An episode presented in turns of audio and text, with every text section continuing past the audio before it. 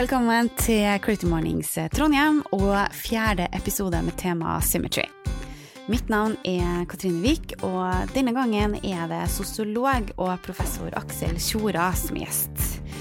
Tjora er en mann med mange jern i ilden og mye på hjertet, og samtalepunktene er lista i beskrivelsen. Presenting partner er Mailchimp, medprogramleder er Pia Biermann og vertskap Kunsthall Trondheim. Stor takk til Trondheim Lyd, som sto for produksjonen av denne podkasten.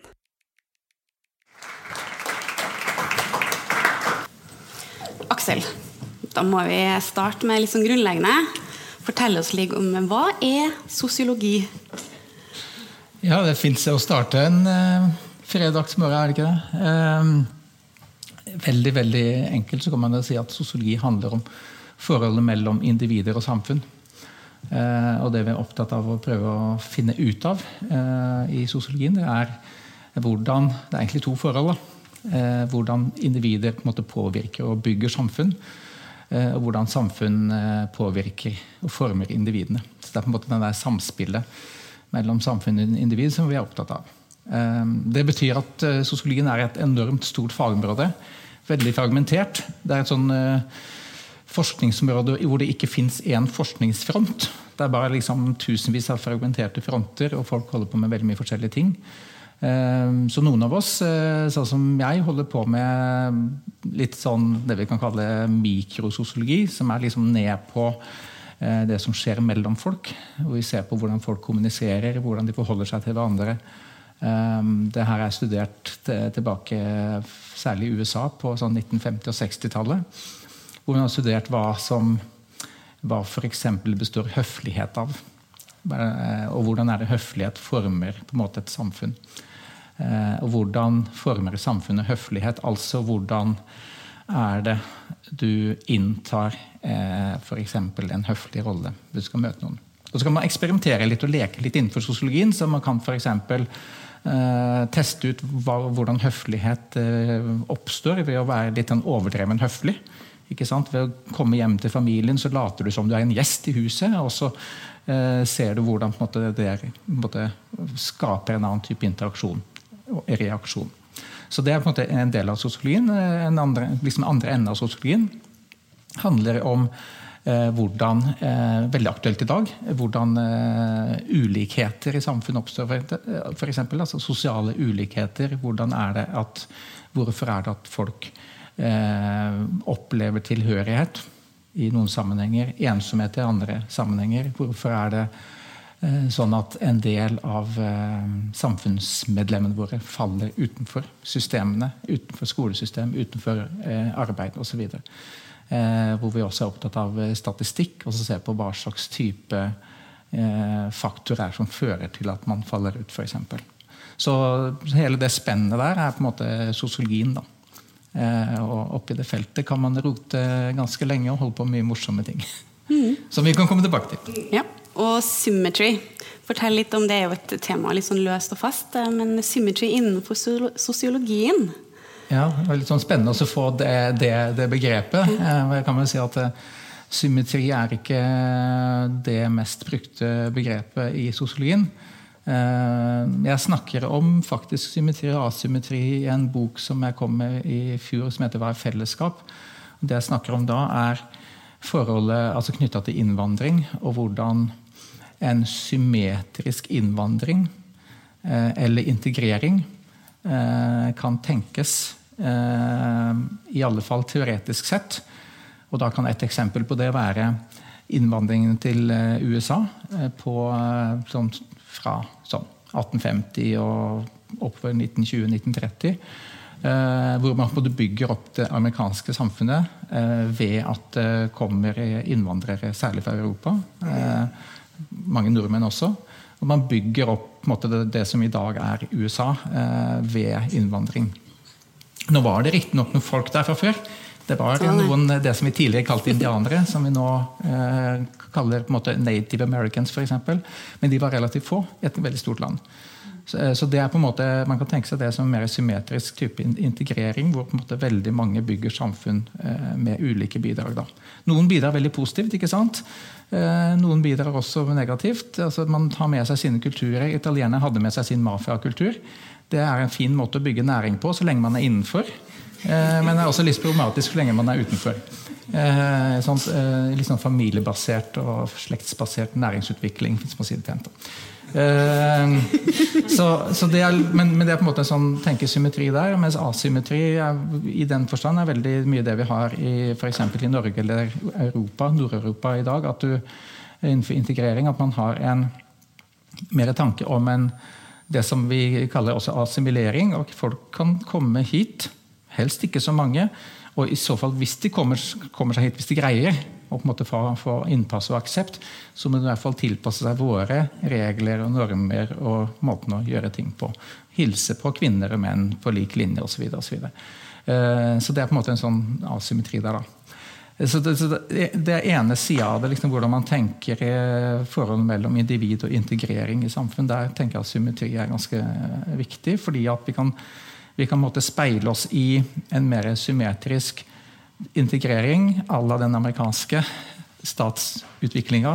Eh, og som et speil for det som skjer i Nord-Europa i dag. Eh, og på en måte ut ifra det liksom, diskutere litt hvordan man kunne ha hvordan man kunne ha greid å balansere eh, noen av de her prosessene bedre. Eh, den andre enden av eh, det her er liksom den, den enden av sosiologien i den andre enden av sosiologien så tenker jeg symmetri handler om speiling. Uh, og uh, Særlig en uh, amerikansk sosiolog som heter Cooley snakker om det han kaller speilingsteori. Som går rett og slett på utvikling av identitet. Og at min identitet er knytta til responsen på min person.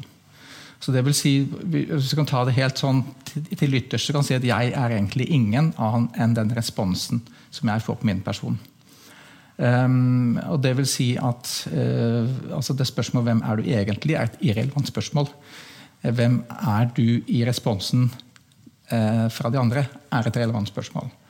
Uh, så den Speilingsteorien handler litt om at, man utvikles som, som, individ, som samfunnsindivid ved den responsen man får fra andre. Og det, altså Kuli han var liksom litt sånn der, en veldig sånn familiekjær person som eh, gjorde mesteparten av sine empiriske studier av sine barn. Og dermed så Hans teorier nådde ikke så veldig langt. Han hadde litt sånn snevert eh, empirisk så Han studerte på en måte sine barn og hvordan de utvikla seg. For eksempel, han kunne kommentere at den dattera hans på 15 år liksom begynte å innta sånne roller som en liten prinsesse. Eh, og begynte å gjenta sånne triks fordi at du fikk bra respons for de triksa. Man begynner å le eller klappe av en liten unge unge, så begynner ungen å bare gjenta, gjenta det for å få den samme responsen igjen. Så, så ut ifra den type eh, liksom helt sånn essensielle, veldig sånn eksplisitte type responser, til det å se på hvordan man i en samtale eh, får respons at det man sier, er akseptabelt. At dere nikker nå. ikke sant? Ikke sant? Det her, ja, det her høres fornuftig og klokt ut. Altså. Det nikker dere til. Bare fortsett å snakke og snakke. og snakke. Så, så det, det, er sånn, en, en, sånn en veldig konkret sånn type, eh, type speiling. da. Og det, og det, betyr også at liksom ansvaret vårt som, som, individer er på en måte å opprettholde den speilinga. Vil si eh, faktisk å Eh, respondere på folk rundt oss hele tida. Det trenger ikke være veldig avansert. Det kan være å se noen i øynene eller gi et lite nikk. eller et eller annet sånt. Ikke se forbi hverandre. da. Så jeg, jeg tester den, den speilinga hver eneste dag. Eh, sånn konkret med, i byen. Eh, det er to, to, ting. Det ene er eh, overfor tiggere. Det er sjelden jeg gir til tiggere, men jeg ser de alltid i øynene. Og det er litt, litt, eh, litt vanskelig av og til. For hvis du først ser det i øynene, og jeg hilser på det stort sett, eh, så føler man at man skulle gitt noe. Men saken er etter min det er mye viktigere å anerkjenne de, at de er der som individer i vårt samfunn, eh, selv om man ikke gir dem noe penger. Enn å ikke gjøre noen ting og se en, annen vei. Så Det er liksom det ene. Det andre er sånn helt vanlige folk på gata. Sånn, um, Goffman, en av de sosiologene amerikanske som er mye sitert, han har en sånn observasjon av når man møter folk på gata, så kan man godt se på personer, se rett i øynene, og sånt, men når du kommer sånn ca. Sånn fem-seks meter unna, så viker du blikket. Da finner du noe annet veldig interessant å se på et annet sted. ikke sant? Uh, og, men jeg har begynt også liksom prøve å endre på det, så jeg ser folk i øynene hele tida. Uh, og Det er også litt vanskelig, så jeg må anstrenge meg litt, uh, litt for å gjøre det. da, Men jeg begynner å bli ganske god. og det og da, det som skjer da, hvis den andre, og hvis du ser, holder blikket den andre, så er det ganske mange som også gjør det. Så det er også en sånn speiling, en symmetri faktisk der òg. Så måten, Din handling speiles av den andres handling der også. Så nå møter du den andres, øh, du ser på den andre, øh, og da du holder blikket. Og det som kommer til å skje nesten alltid, det er at man smiler til hverandre. Og det, mm. og det lille smilet, det er sånn bare en konstatering der er du, her er jeg. Og det som jeg utforsker litt i det fellesskapet, akkurat i det lille øyeblikket så er det en liten anerkjennelse av det fellesskapet. Og det som er, Når man har bodd i en, en by i en, en, viss tid, så, så, og De fleste av oss er veldig sånn rutinemennesker. Vi går de samme stedene samme tid, særlig i sånn jobbsammenheng.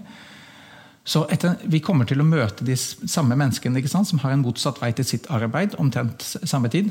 Så etter hvert så må man begynne å nikke og anerkjenne. Ja, du, der er du, her er jeg. Vi møttes i går, vi kommer til å møtes i morgen.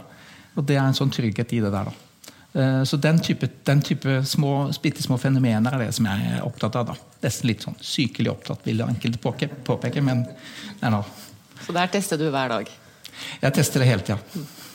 Hvorfor er vi menneskene så glad i eller så er vi menneskene i forhold til symmetri, behovet for å ha den balansen der? Harmonien i det, det, er rett og slett, eh, rett og slett behov for å, eh, for å bli sett og anerkjent. Og det, det skal liksom det som jeg liksom forsker litt på i de her bitte, bitte små eksperimentene, det er på en måte at det skal så lite til eh, for å bli anerkjent. Men, men det bitte lille har veldig stor betydning.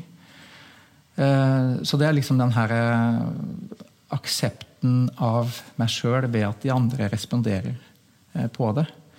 Og det er jo, altså Noen av oss er jo flinke til å, til å stikke seg fram og, og uredd i ulike sammenhenger. Sånn. Jeg er veldig sjenert sånn, i sånn, sånn, personplan, men jeg kan godt stoppe en scene eller snakke til mange, mange folk og sånt, innta den rollen. Så da er det lett for folk å ta kontakt med meg, fordi jeg har ytra et eller annet. Eh, men for de som ikke tar den type plass, så, så kan det være vanskeligere å få den type respons.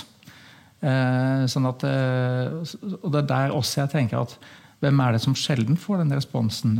Jo, det er folk som kanskje ikke har så høyt selvbilde. ikke sant? Syns at de sjøl ikke fikser ting.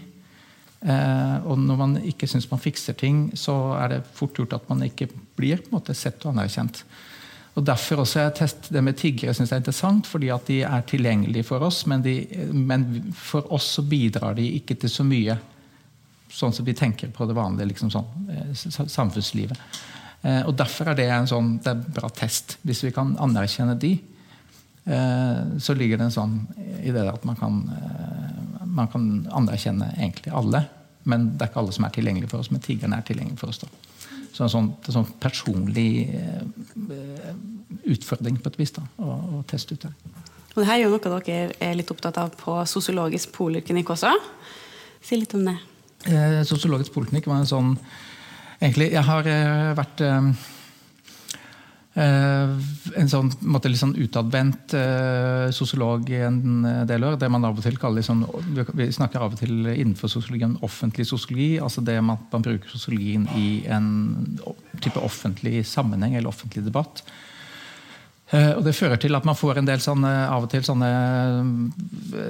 folk som har lyst til å jobbe sammen om ting. Men mitt døgn er liksom også begrensa. Sånn at Tanken var kan vi prøve å lage et eller annet sånn at vi kan samle sammen en gjeng som kan være med å jobbe med ting i samfunnet. Sammen med privat næringsliv, sammen med offentlig osv.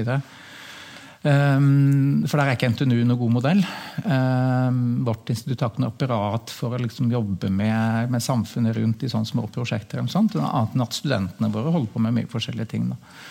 Um, men litt mer så organisert så er det vanskelig. Um, og så har jeg hatt en idé om en sosiologisk poliklinikk eh, i lang tid. Eh, Uh, ideen på en måte har vært, altså Det som ligger i poliklinikk, det handler da egentlig om et sted hvor du kan prøve å, behandle et eller annet. Løse et eller annet problem. Så det handler om liksom sosiologisk problemløsning, eller problemløsning ut fra sosiologien som fagmåte. Og jeg er utdanna på NTH i sin tid som, som sivilingeniør i, i, data og industriell økonomi, så jeg har fortsatt en sånn ingeniør i magen. Jeg har lyst til å lyst til å liksom gjøre noe. Gjøre, altså Forandre ting, eksperimentere med ting. Og er, er litt sånn, Der er sosiologien litt sånn passivt som, som fagområdene. Sosiologien er mest opptatt av å, av å, av å studere, observere, reflektere, teoretisere. Og så er, vi ferdig med, så er vi ferdig med jobben. Mm. Så får andre gjøre noe eh, ut av det. Det er på en måte sosiologien, men sosiologisk politikk er et forsøk på å gjøre, gjøre noe litt annet. da. Eh, og de er nøkkelpersoner de er nøkkelpersoner fordi at de har en nøkkel til sosiologisk politikk. Det er veldig veldig konkret nøkkelpersoner. Ja, det, det, sitter noen av de her også. Um, og, og, da, eh, Det handler litt om altså det, Vi er en, nå er vel 35 nøkkelpersoner ca. Alt fra førsteårs sosiologistudenter til professor. Det er hele spennet der. Ideen er på en måte å jobbe sammen. Egentlig mer symmetrisk enn det man finner på, på innenfor uh, NTNU og universitetene. hvor Eh, hvor det er veldig sånn ok, man står og foreleser og veileder er veldig sånn, liksom, prøver å liksom styre noen. Uh, mens sosiologisk politikk er mer, mer, som en sånn uh, type verksted. Som en sånn, altså det man på moderne norsk kaller sånn co-working space. på et vis, Hvor man ikke betaler noe for å være der og sitte der, men man betaler med sin tid og med sin innsats i konkrete prosjekter. Um, så, og jeg, jeg, har på en måte en sånn ja, idé om å lage sånn der, Vi holder til i Brattøy 8 for de som ikke har gått forbi der. Sånn gatefrontlokale, så det er veldig greit å stikke innom for de som har lyst. Og jeg har tenkt også for, kanskje fått lagd en sånn liten sånn lapp nederst på ruta. Eh, så hvis det er noe som driver med sånn fancy produksjoner, av sånne type ting, som jeg sier fra. Jeg vil en fin sponsor. Eh, som, ja, altså, som, hvor det står eh, Vi behandler alt unntatt sykdom. Eh, for ideen er på en måte å jobbe med ulike problemstillinger. og Det er veldig åpent. Eh, hva Vi holder på med. Vi har holdt på mye med byutvikling, men det er litt sånn tilfeldig at vi har holdt på med det. Vi holder også på med liksom noen sånne organisasjonsstudier og, og, litt forskjellige ting. Eh, men det handler litt om å bruke sosiologien. da. Og så ligger litt i sosiologisk politikk. Det fins ingen sånne andre steder i verden. Så, og, og, Det er ikke noen sånn definisjon på en type virksomhet. Så vi står fritt til å gjøre akkurat hva vi vil. For vi former jo hva sosiologisk politikk er til enhver tid. Og det er et uavhengig AS. Vi står liksom helt fritt til å måte, gjøre hva vi vil. Vi har ikke noe støtte fra NTNU eller noen andre. så vi er veldig sånn frittstående. Og Vi har en sånn eh, sosiologisk punk-ideologi til bånn. Sosiologisk punk handler om å, om å bruke sosiologien utenfor rammene. Altså utenfor det standard rammene på undervisning, publisering og sånt, men gjøre andre ting. Eh, så vi har hatt sånn, Noe av det morsomste vi gjorde, var vel sånn på vegne av, eh, eller for Entra Eiendom gjorde et sånt prosjekt eh, for å se på utvikling av næringslokaler på Brattørkaia. Hvor vi blant annet gjorde en del intervjuer Hvor vi taua opp en campingvogn på den gangbrua fra jernbanen over til Brattøra. For hadde en sånn pop-up-kafé oppe på brua der fra en sånn campingvogn. Eh, vi var ikke så heldige med været, så det, kundene var litt eh, Det var gratis kaffe, så det var sånn veldig enkelt. Men, eh, men var, vi var litt uheldige med været, så det kunne vært flere gratiskunder på kafeen vår. Men, men sånne type prosjekter gjør litt andre ting. Da. Hvem som helst kan da ta turen innom til dere og Hvem som helst om en eller annen problemstilling? Ja, da. Vi er jo, det er jo studenter, stipendiater, litt sånn akademisk løsarbeidere, folk som meg. Eh, som sitter der. Så vi sitter jo ikke der hele tida. Vi har liksom andre, øh, andre ansvar på Dragvoll og andre steder. Så, men, men, når det er folk der, så er det bare å stikke innom. Eh, vi syns det er veldig morsomt når, når, folk kommer innom. Mange kommer innom der fordi at man har eh, liksom konkrete ting tror, altså, som man kanskje kan jobbe sammen om. Um, og så har vi noen sånne eventer også. Boklansering, quiz, debatt, møte eller noe sånt. Og det er også sånne lokale som går an å bruke eh, for de som er interessert i sånn, for å gjøre et eller annet ut som skal være tilgjengelig for mange. da. Så vi kan liksom ha sånne, Når vi har boklansering, så har vi hatt kanskje opptil 40 personer. Da begynner bli litt trangt, men 30-35 går fint. liksom.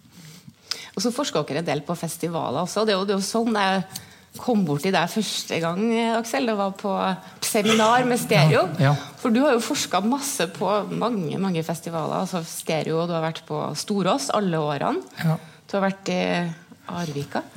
Jeg har vært eh, mange forskjellige steder. Egentlig ja. starta med altså jeg, I gamle dager så gikk jeg mye på jazzfestival, Moldejazz og Kongsberg og sånt. Men uh, liksom seinere, i litt mer voksen alder, så var det litt mer sånn uh, ja, litt sånn motsatt retning enn mange andre. Mange blir interessert i jazz når de blir eldre, men jeg ble mer interessert i rock og metall når jeg hadde lagt fra meg jazzen som jeg var ferdig med i tidlig ungdom. Uh, og så, så, så, begynte jeg å Egentlig første Storåsfestivalen, som i 2004, tror jeg det var. Eh, og da hadde jeg begynt eh, Jeg har vært i min altså samme jobb siden 98 eh, på NTNU. Også. Så da hadde jeg, begynte jeg plutselig å gå på festivaler og opplevde det var litt annerledes når jeg hadde holdt på med sosiologisk forskning en stund. Så, så da, da, tenkte jeg at i og med at jeg er veldig glad i å gå på festivaler og er sosiolog, så kan jeg jo like godt forske på de festivalene. da. Så det er jo ingen som har betalt for den forskninga. Liksom, eh, det er en sånn hobbyforskning da, eh, som veldig mye av det jeg egentlig holder på med er. Um, som, så det er ingen som betaler for noe som helst, men, men jeg har det veldig gøy. Da. Hva, så, gjør du da? Hva gjør du når du forsker på jo, festivaler? Jeg er rett og slett festivaldeltaker. Mm. Og i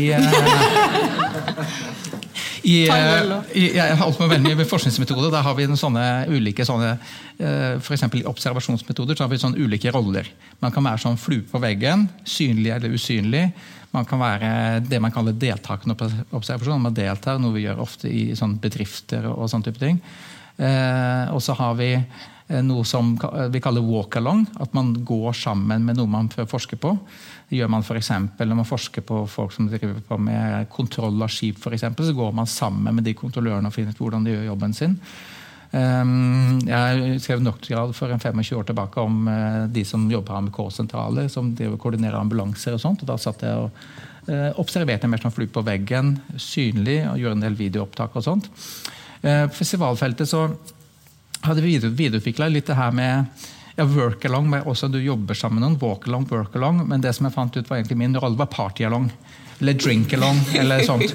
Sånn at jeg er på en måte en fullstendig fullstendig festivaldeltaker. Og, eh, og, og måtte gjøre noen observasjoner, tar noen notater og sånn. Men det er ganske sånn eh, det er veldig sånn eh, eh, altså det, det, som man kaller fullstendig eh, deltakerrolle. Så jeg er på en måte helt i det der. Det er ingen som vet at jeg er der for å forske på festivaler, og det er jeg jo ikke heller. Jeg er der jo for å være på festival og, og ha, høre på musikk og feste.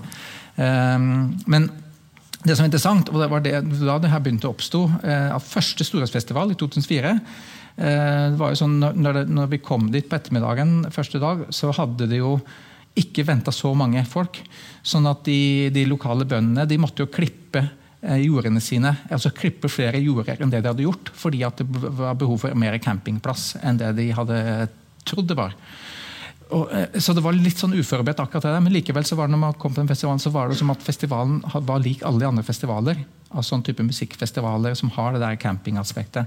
Og så Eh, og, så og, så, har jeg vært liksom ulike festivaler, og så ser jeg det samme eh, i de ulike festivalene. At det er noen sånne gjentagende ting. Noen veldig sånne stabile ting knytta til festivaldøgnet. Så det som jeg er opptatt av, er festivaldøgnet. Hvordan oppstår det? Og da har, liksom, kom jeg fram til noen sånne ulike faser. Det som er litt sånn brunch-type ting. Folk kommer seg opp og sånn. Eller tidlig i morgen, brunch. Og så har du det som jeg har kalt prekonsert, som er litt sånn, litt sånn vorspiel-fase. Og det som var det mest interessante, det er på en måte, den, den fasen har dere alt på sånne campingbaserte festivaler. Eh, hvor man sitter rundt telta og, og, drikker, man spiser noe mat, man sitter og slarver litt. og Der er det helt spesielle regler. F.eks. at eh, hvis det kommer noen forbi liksom, teltet ditt, og det sitter en gjeng, så er regelen at du skal spørre Hei, eh, vil du henge med oss? eller noe sånt. Eller hvert, du må ikke spørre eksplisitt, du kan bare vise at det er en mulighet. Og hvis det er en person som, som liksom aksepterer det tilbudet, så skal vedkommende få påspandert en, en, øl, et glass vin, en kaffe eller hva du måtte ha som, som man ellers har.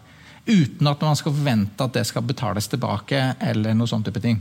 Så det er man i sosiologien kan sånn generell bytte. At alle, alle, gir noen ting, og alle får noe tilbake. Men det er ikke sånn at du nødvendigvis får noe tilbake av den du har gitt noe. Det er liksom at det er en sånn pool av en spandabel holdning. Så Det er liksom ene, sånn, en sånn regel. Og det som jeg er opptatt av i sånn sosiologisk sett, at de festivalene er sånn sett sånne mikrosamfunn. Man bygger et samfunn som skal eksistere noen få dager. Det samfunnet har noen egne regler som er litt annerledes enn regelen ellers. og som sånn regel står du i kø med noen, eller på do eller for å kjøpe en øl, eller et eller annet sånt, så skal du snakke. Eller du kan snakke i alle fall med sidemann. Og litt annerledes enn om du står i kø på, en, på SITO på NTNU. eller sånt. Det er ikke sånn naturlig at du snakker med en sånn tilfeldig person bak deg. Så det er egne regler. Og så var det det som jeg er særlig interessert i, eh, det er på en måte hvordan er overgangen mellom de fasene. og Den særlig interessante overgangen er overgangen fra det jeg kalte brunch til det jeg kalte prekonsert. Altså, Hvordan skjer overgangen? Jo, Overgangen skjer ved at noen åpner den første ølen. Når noen åpner den første ølen, så forplikter de andre seg til å åpne sine øl eller viner. Det er en sosial forpliktelse som er en del av regelen. Eh, så Etter hvert så begynte jeg å teste, teste det der ved å åpne den første ølen og se eh, om hvordan det følger. Det andre følger. Mm. Og Så startet jeg også en sosiologifestival. Um, så jeg tenkte at Festivalbegrepet kan brukes egentlig ganske vidt. Så jeg, start, jeg tok initiativ til sosiologifestival, som nå har gått årlig siden ja, jeg tror vi har hatt det seks ganger nå, eh, hver høst. Og der har jeg gjort det samme. Liksom, går det an å lage en litt sånn, eh, ja, litt sånn festlig ramme rundt sosiologien? Det høres jo absurd ut, for det er ikke så veldig festlig fag egentlig. Det er et fag som studerer veldig mye sånn traumatiske greier. Eh, men der har jeg testa det ta, at, at, å være den første som åpner en øl på sosiologifestivalen. For at man må passe på at man, man lager en festival ved å, ved å åpne den første ølen, sånn at du får den her, den her litt mer løsslupne tingen. da. Og der også er det sånn at Man ser veldig tydelig at eh, de sosiologene bør jo vite om, den forpliktelsen. Og, så, så, jeg, så det, og det funker ganske bra, da. Og dermed så blir det Drikkepress. Det, det, eh, hva sier du? Drikkepress. Det er drikkepress. Eh, som, drikkepress som sosiologisk metode. Og, men, men det, det, funker faktisk, da, for å lage en litt annen ramme rundt det faglige. Men Du snakka jo også om under Trondheim Calling, hvor du var i et panel. Du hadde en teori om å starte en festivalfestival. Ja. Fordi folk går jo på musikkfestivaler egentlig for å drikke, møte mennesker, sosialisere. Så det å teste ut det å fjerne alle, alle bandene, det var du inne, innom tanken på. Ja. Tror du det lykkes? Eh, det er jo opp til dere her, da. Eh, men eh, eh, grunnen til at jeg nevnte det der, var at plutselig satt med et panel med folk som driver og lager festival. Uh, jeg, jeg, er ikke sånn, sånn festivallager, egentlig. så Eh, jeg tenkte bare så et, eh, en idé. da. Eh, nei, Ideen med festivalfestivalen det var på en måte rett og slett en festival som handler om festival. Og, hva, og når vi har forska på festivaler, så det, det, er veldig, det, er veldig, tydelige som kommer fram at når, når, folk er på festival, så er det den gode stemningen de er der for. Jeg tror Anders som sitter her har vært med på stereofestivalforskning bl.a. Så vi har gjort en del der også. Er, vi har hatt, da har vi utvida litt. Ikke bare jeg som går rundt og drikker eller som er forsker, men også flere som, som, som liksom i et team har etablert en sånn liten forskningscamp. Og så jeg eh, har intervjua ganske mange. Eh, litt mer sånn systematisk eh, sånn datainnsamling. og da er det gjennomgående. Når du først er på festivalen, så er det stemningen som gjelder. Og så er jo spørsmålet ja, betyr det at man kunne greie seg uten artistene. Ja, sannsynligvis ikke helt, fordi at grunnen til at folk kommer, er at det er et program. Altså musikk eller litteratur, film eller hva det er. Så det er en grunn til det. Men det har likevel vært et ganske spennende eksperiment å, å sette i gang festivalfestivalen. Som, hvor man bare definerer et område. Her er det festival. Så, så eh, bare kom og lag festival. Og i og med at man, man vil jo få et veldig lavt bookingbudsjett. Eh, det, betyr, det, betyr jo også at du kan ha veldig lave billettpriser, f.eks. kroner null. Eh, og, og, sånn sett at du kan si at risikoen er relativt liten. da. Ehm, så hvis det er noen som har lyst til å være med på et sånt eksperiment, så er eh, invitasjonen åpen. Ikke sant. Men ved siden av alt det andre, så jobber du faktisk også på NTNU? Ja. Det er, det er vel egentlig det du egentlig skal drive med. Og du, jo, du, har jo gjort deg ganske bemerka ved å være ty en tydelig kritiker av din egen arbeidsgiver. Jeg er ikke så redd for å si hva du mener. Og nå har du også havna inn i styret. Ja. Hvordan er det? Ja, altså Sitte i styret ved NTNU er jo for så vidt en um, Det var kanskje morsommere å bli valgt inn i styret enn å sitte der, for å si det sånn. Men uh, jeg ble foreslått inn i styret fordi at jeg har vært veldig kritisk til måten man driver universitetet på. og NTNU er ikke det eneste. NTNU føyer seg inn måte, i hele universitetssektoren som endrer seg etter min mening i en mer sånn industriell retning, som jeg tror er veldig uheldig over, over lang sikt. Så jeg driver også redigerer en bok også med, om, som, om universitetskritikk. Eh, hvor det er mange, mange, stemmer rundt omkring på universitetene i Norge og internasjonalt som er bekymra for eh, en mye mer opptatt av eh, antallet publikasjoner får studenter gjennom enn en det faktiske innholdet. Hva vil lære studentene, hva de har med seg når de kommer ut. Hva slags temaer vi forsker på. heller enn å, altså Det blir sånn at man skryter av at man henta inn så og så mange millioner fra EU ikke sant, på forskningsprosjekt heller enn å snakke om ja, hva, hva, kommer ut av det. da? Hva slags type kunnskap og, og, sånn er det man faktisk greier å få ut av det. Det er det også veldig lite snakk om. Så, så, og, så, det har vært på en måte, liksom, motivasjonen for å uh, ja, for å drive og kjempe litt for at man ikke må glemme at universitetet handler om noen spesifikke ting. Det handler om en, om en dannelse av mennesker eh, som skal være konstruktive, gode samfunnsindivider, tenker jeg er et sånt hovedoppdrag. Eh, og da må man, man ikke glemme det. Ikke la det bli en sånn industri hvor man skal bare kverne folk gjennom. Eh, og, og, vi produserer på en måte også studenter som bare jakter på et vitnemål. Og jeg vil heller ha studenter som jakter på spesifikk kunnskap, og at de har erfart og lært noe som de kan bidra med. Og jeg, jeg sier til studentene også at ja, ikke, jeg kan bare glemme å være så opptatt av vitnemål. Det kommer ikke til å få noen jobb uansett. Og det er ikke som, som negativ liksom også fjerne all liksom, eh, engasjement, eh, men nettopp for å si at det er ikke vitnemålet ditt som teller. Det er, det er, hva du har lært, og hva du er i stand til, og hva du kommer til å ta initiativer til, og hva slags engasjement du har. Fordi at vi vet at færre og færre har faste jobber som de bare kan gå inn i. Man må skape jobben sin. Og Hvis man skal skape jobben sin, spiller det ingen rolle hva slags vitnemål du har. Det, som spiller noen rolle, er hva du, hva du, er engasjert i, hva slags ideer du har, at du evner å bruke kunnskapene dine på en eller, annen, en eller annen klok måte som gjør at du kan bidra på et vis, og, og forhåpentlig også selge på en måte tjenestene dine eller kunnskapen din på en litt mer sånn Eh, ferdighetsbasert heller enn eh, vitnemålsbasert plattform. Da. Eh, og, der, der, og, da tenker jeg at vi må sørge for at vi har et universitet som gjør klok forskning. og ikke bare forskning som kan finansieres. Og vi må sørge for at vi har et universitet som ikke bare produserer på en måte vitnemål, men at vi på en måte har Eh, og Det betyr på en måte at kanskje vi skal redusere betydningen av eksamen eksempel, og heller på en måte, ha noe som man jobber med studentene. Det er litt sånn som Torbjørn Røe Isaksen, som var forrige kunnskapsminister, hadde jo under under sånn, eh, et foredrag lagt fram hva som var kvalitetskriterier på, på universiteter. Blant annet så var det sånn kontakt med, med samfunnslivet, arbeidsliv, samfunnsliv det var sånn som uh, kontakt mellom studenter og ansatte. liksom den Minglinga på tvers uh, i nivåer. En, del, en, del, sånne, Fem kriterier var det. Og når jeg satt og så på de, så NTNU kan kanskje krysse på to av de. Sosiologisk politikk kan krysse på alle fem. Og Det er litt sånn irriterende at man må starte et eget uavhengig AS for å gjøre det NTNU burde ha gjort. Det er faktisk en ganske sånn irriterende ting, men, men, sånn er det faktisk.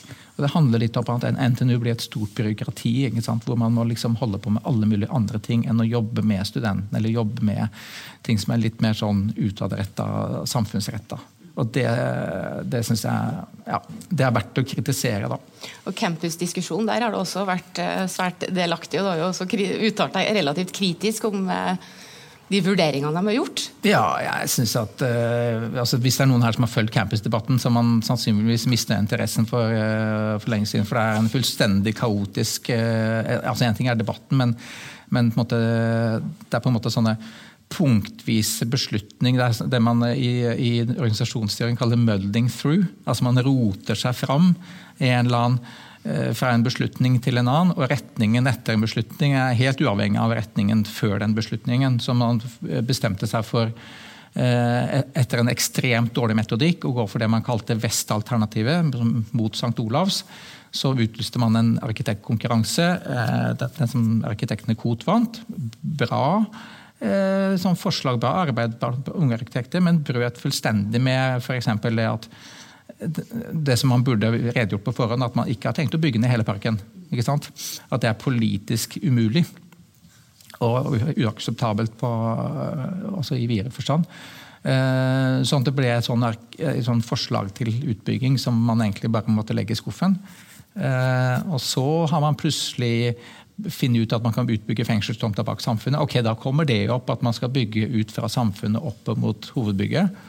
Eh, som ikke er helt alternativ vest, men ligner litt på det. Eh, og så har man begynt å nå det siste at man skal liksom plassere, Hvor skal man plassere de ulike fagmiljøene? Den store flyttprosessen er jo Dragvoll-miljøet ned. Det er sånn ca. 10 000 studenter og 2000 ansatte, så det er noen folk. Flytte det ned, og det man nå diskuterer, hvordan det skal plasseres. og da viser at det man ender opp med å foreslå, at det mesteparten skal plasseres på Gløshaugen. Så, så, plutselig er det det som er saken. ikke sant? Det skal bygges litt sånn eh, musikk og arkitektur og, og, det man kaller kampsenter ned mot samfunnet. Men, men den store utbyggingen er på en måte på Gløs. Mm. Ingen integrering mot byen? Nei, altså, den, du kan si den Utbyggingen mot samfunnet er en positiv retning. tenkte Jeg Jeg kjempa jo for at man skulle opprettholde en sånn integrert bycampus med fortsatt bygge ut Kalvskinnet. Ta Løitenhaven og utvikle den, noe kommunen også var interessert i. Men det, det har man på en måte eh, bare latt være. Og det er etter mine mening fortsatt et kjempestort feilgrep. Man kunne ha bidratt kjempemye til byen ved å bygge ut Kalvskinnet og Løitenhaven. Så og så kom fusjonsbeslutningen midtveis i det her. Fusjonen ble vedtatt etter campussamlingen var vedtatt. Eh, så plutselig får man på kjøpet haugevis av de tidligere HIST-institusjonene. Så plutselig har man Kalvskinnet likevel. For der har jo HIST en 20 års leiekontrakt med, med, sin aktivitet. Så, så, man ender opp i en litt rar situasjon, da. Og, ja. Jeg har debattert og kritisert en del av de metodene nå.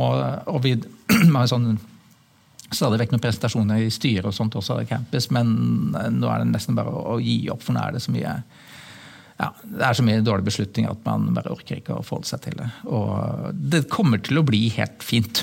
Mm. Det gjør det. Kunne ha blitt så mye bedre. Grunnen til at det kommer til å bli helt, helt fint, er at den grunnleggende gode beslutninga om å flytte dragvollmiljøene ned nærmere byen, det er den viktige beslutninga. Og den er på en måte tatt. Så derfor blir det, det, det, blir, det blir bra. Mm. Men det kunne blitt eksepsjonelt bra. Skjønner. En annen, en annen, diskusjon du også har kasta deg inn i, det er jo denne her kampanjen som arbeidsgiveren din har satt i gang, altså NTNU Challenge-kampanjen. Ja. Der hadde du noen friske sitater. Du kalte den for hårreisende uakademisk, tømt for innhold, platt og dessuten tøysete bruk av våre felles penger. Ja. ja. Det var det minste jeg kunne ha sagt. Uh, du kan si at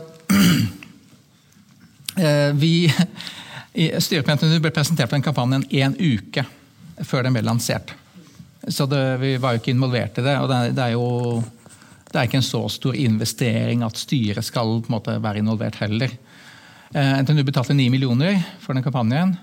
Eh, vi ble presentert som sagt en uke før eh, lansering. og da var det spørsmål, uh, eller Da var det en veldig sånn stolthet fra kommunikasjonsavdelingen. Vi har lagd den vanvittige kampanjen. og Man liksom hadde liksom teknisk trøbbel, sånn, men brukte liksom en halvtime for å koble opp den. Det var så viktig at vi fikk se den filmen. Uh, som var sånn liksom Challenge truth, this. Det var, bare, det var sånn, hvis dere har sett begynnelsen av Trainspotting, det var den der. der. Um, og litt sånn Hvis dere har jobba med den der trailer-malen i iMovie, som er sånn der passe sånn Eh, liksom alt går inn i en mal. Sånn Coming to a cinema near you this summer. Den type ting. Litt den følelsen um, som man godt kan markedsføre en film med, f.eks. Men et universitet som driver på med haugevis av eh, god forskning, gode utdannings- og læringsopplegg, Eh, hvorfor ikke fortelle om det vi gjør? Ikke sant? Ikke late som vi er en eller annen fancy-pansy uh, uh, business. Det er litt sånn Equinor-greie over det, syns jeg. Og uh, som, som, Man lager et nytt navn. Liksom, dropp NTNU, kall det bare challenge. ikke sant?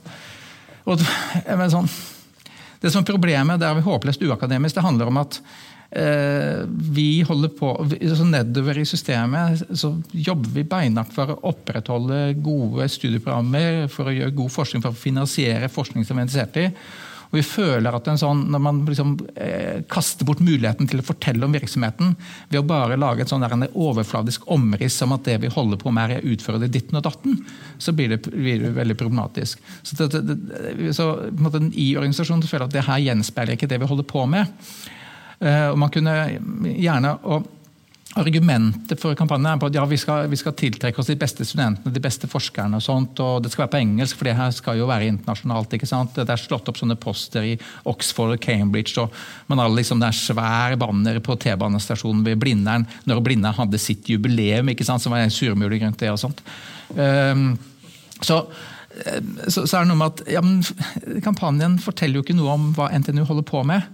Eh, og Det er mulig at NTNU-ledelse at det var veldig fancy og flott bruk av penger, men nedover systemet så tenker jeg at det er en bortkasta mulighet for å fortelle om hva NTNU holder på med. Så bruk heller, Lag heller 20 filmer som går liksom ned i eh, noen interessante forskningsfelter eller studieprogrammer, og så fortell litt om det.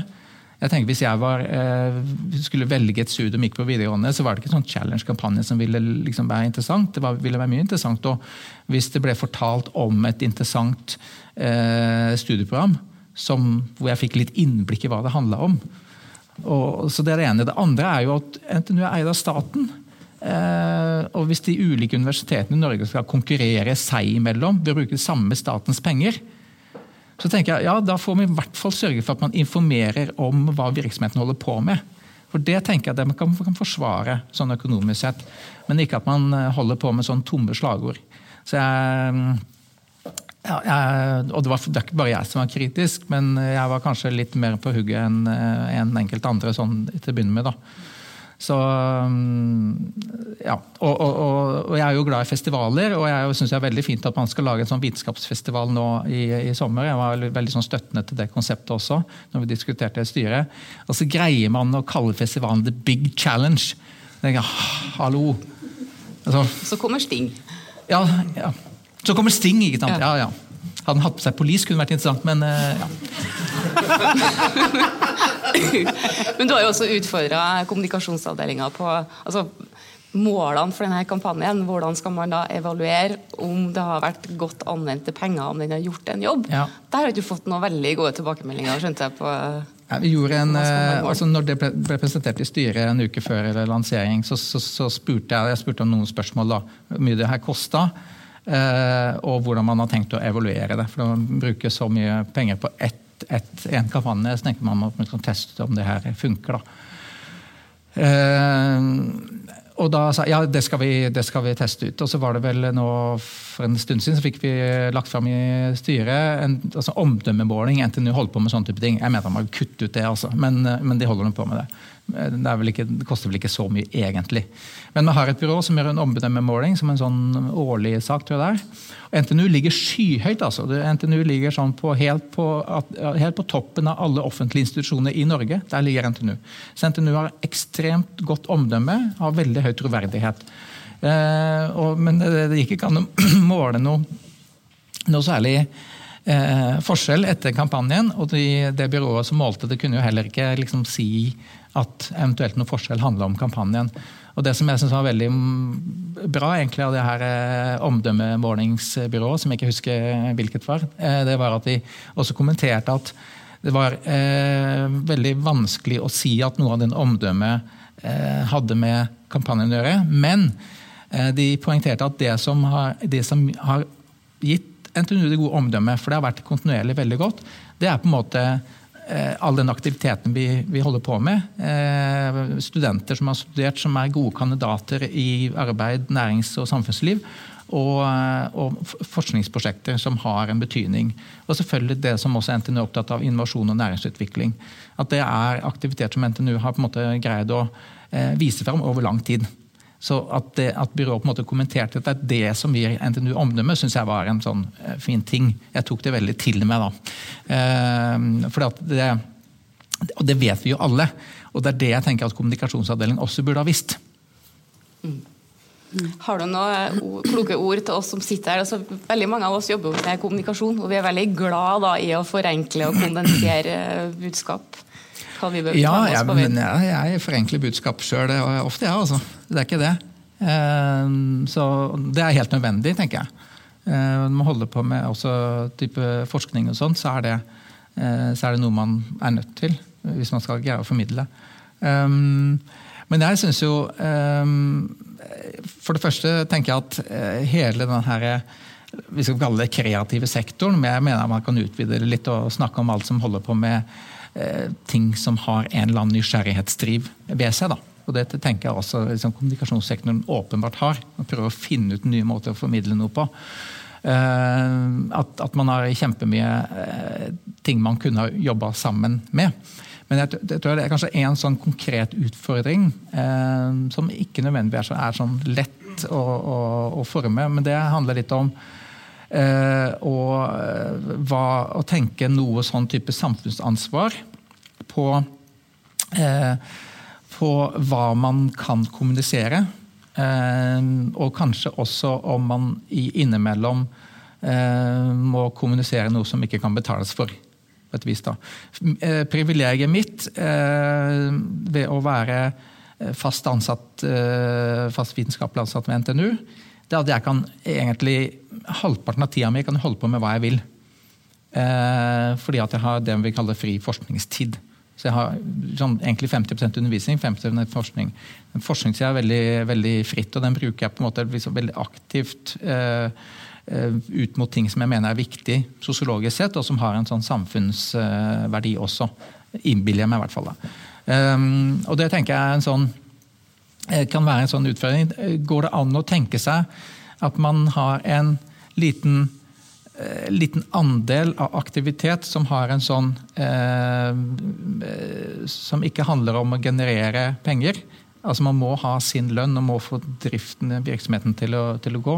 Men går det an å tenke seg noen sånn type aktiviteter som handler om andre ting som vi ikke kan betale for?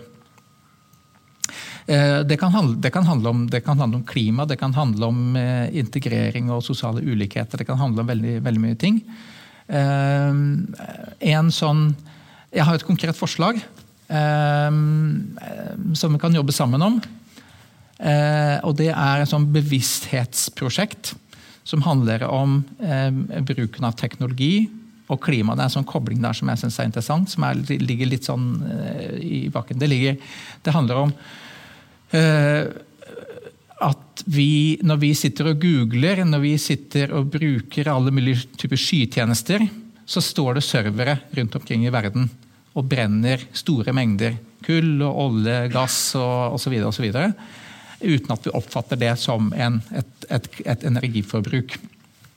Har, eh, samt, og Det er det ene, ene av teknologifeltet. Det andre av teknologifeltet går på det med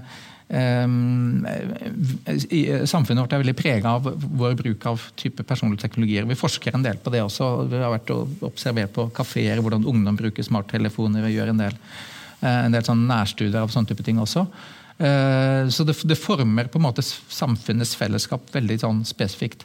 Eh, så jeg har et, et sånn konkret forslag også Uh, og jeg har sånn bevissthets, eller sånn forskningsprosjekter som ble litt mer sånn bevissthetsgreier, som jeg fikk folk til å koble seg av internett i tre uker. Jeg gjorde det to ganger i 2012 og 2014.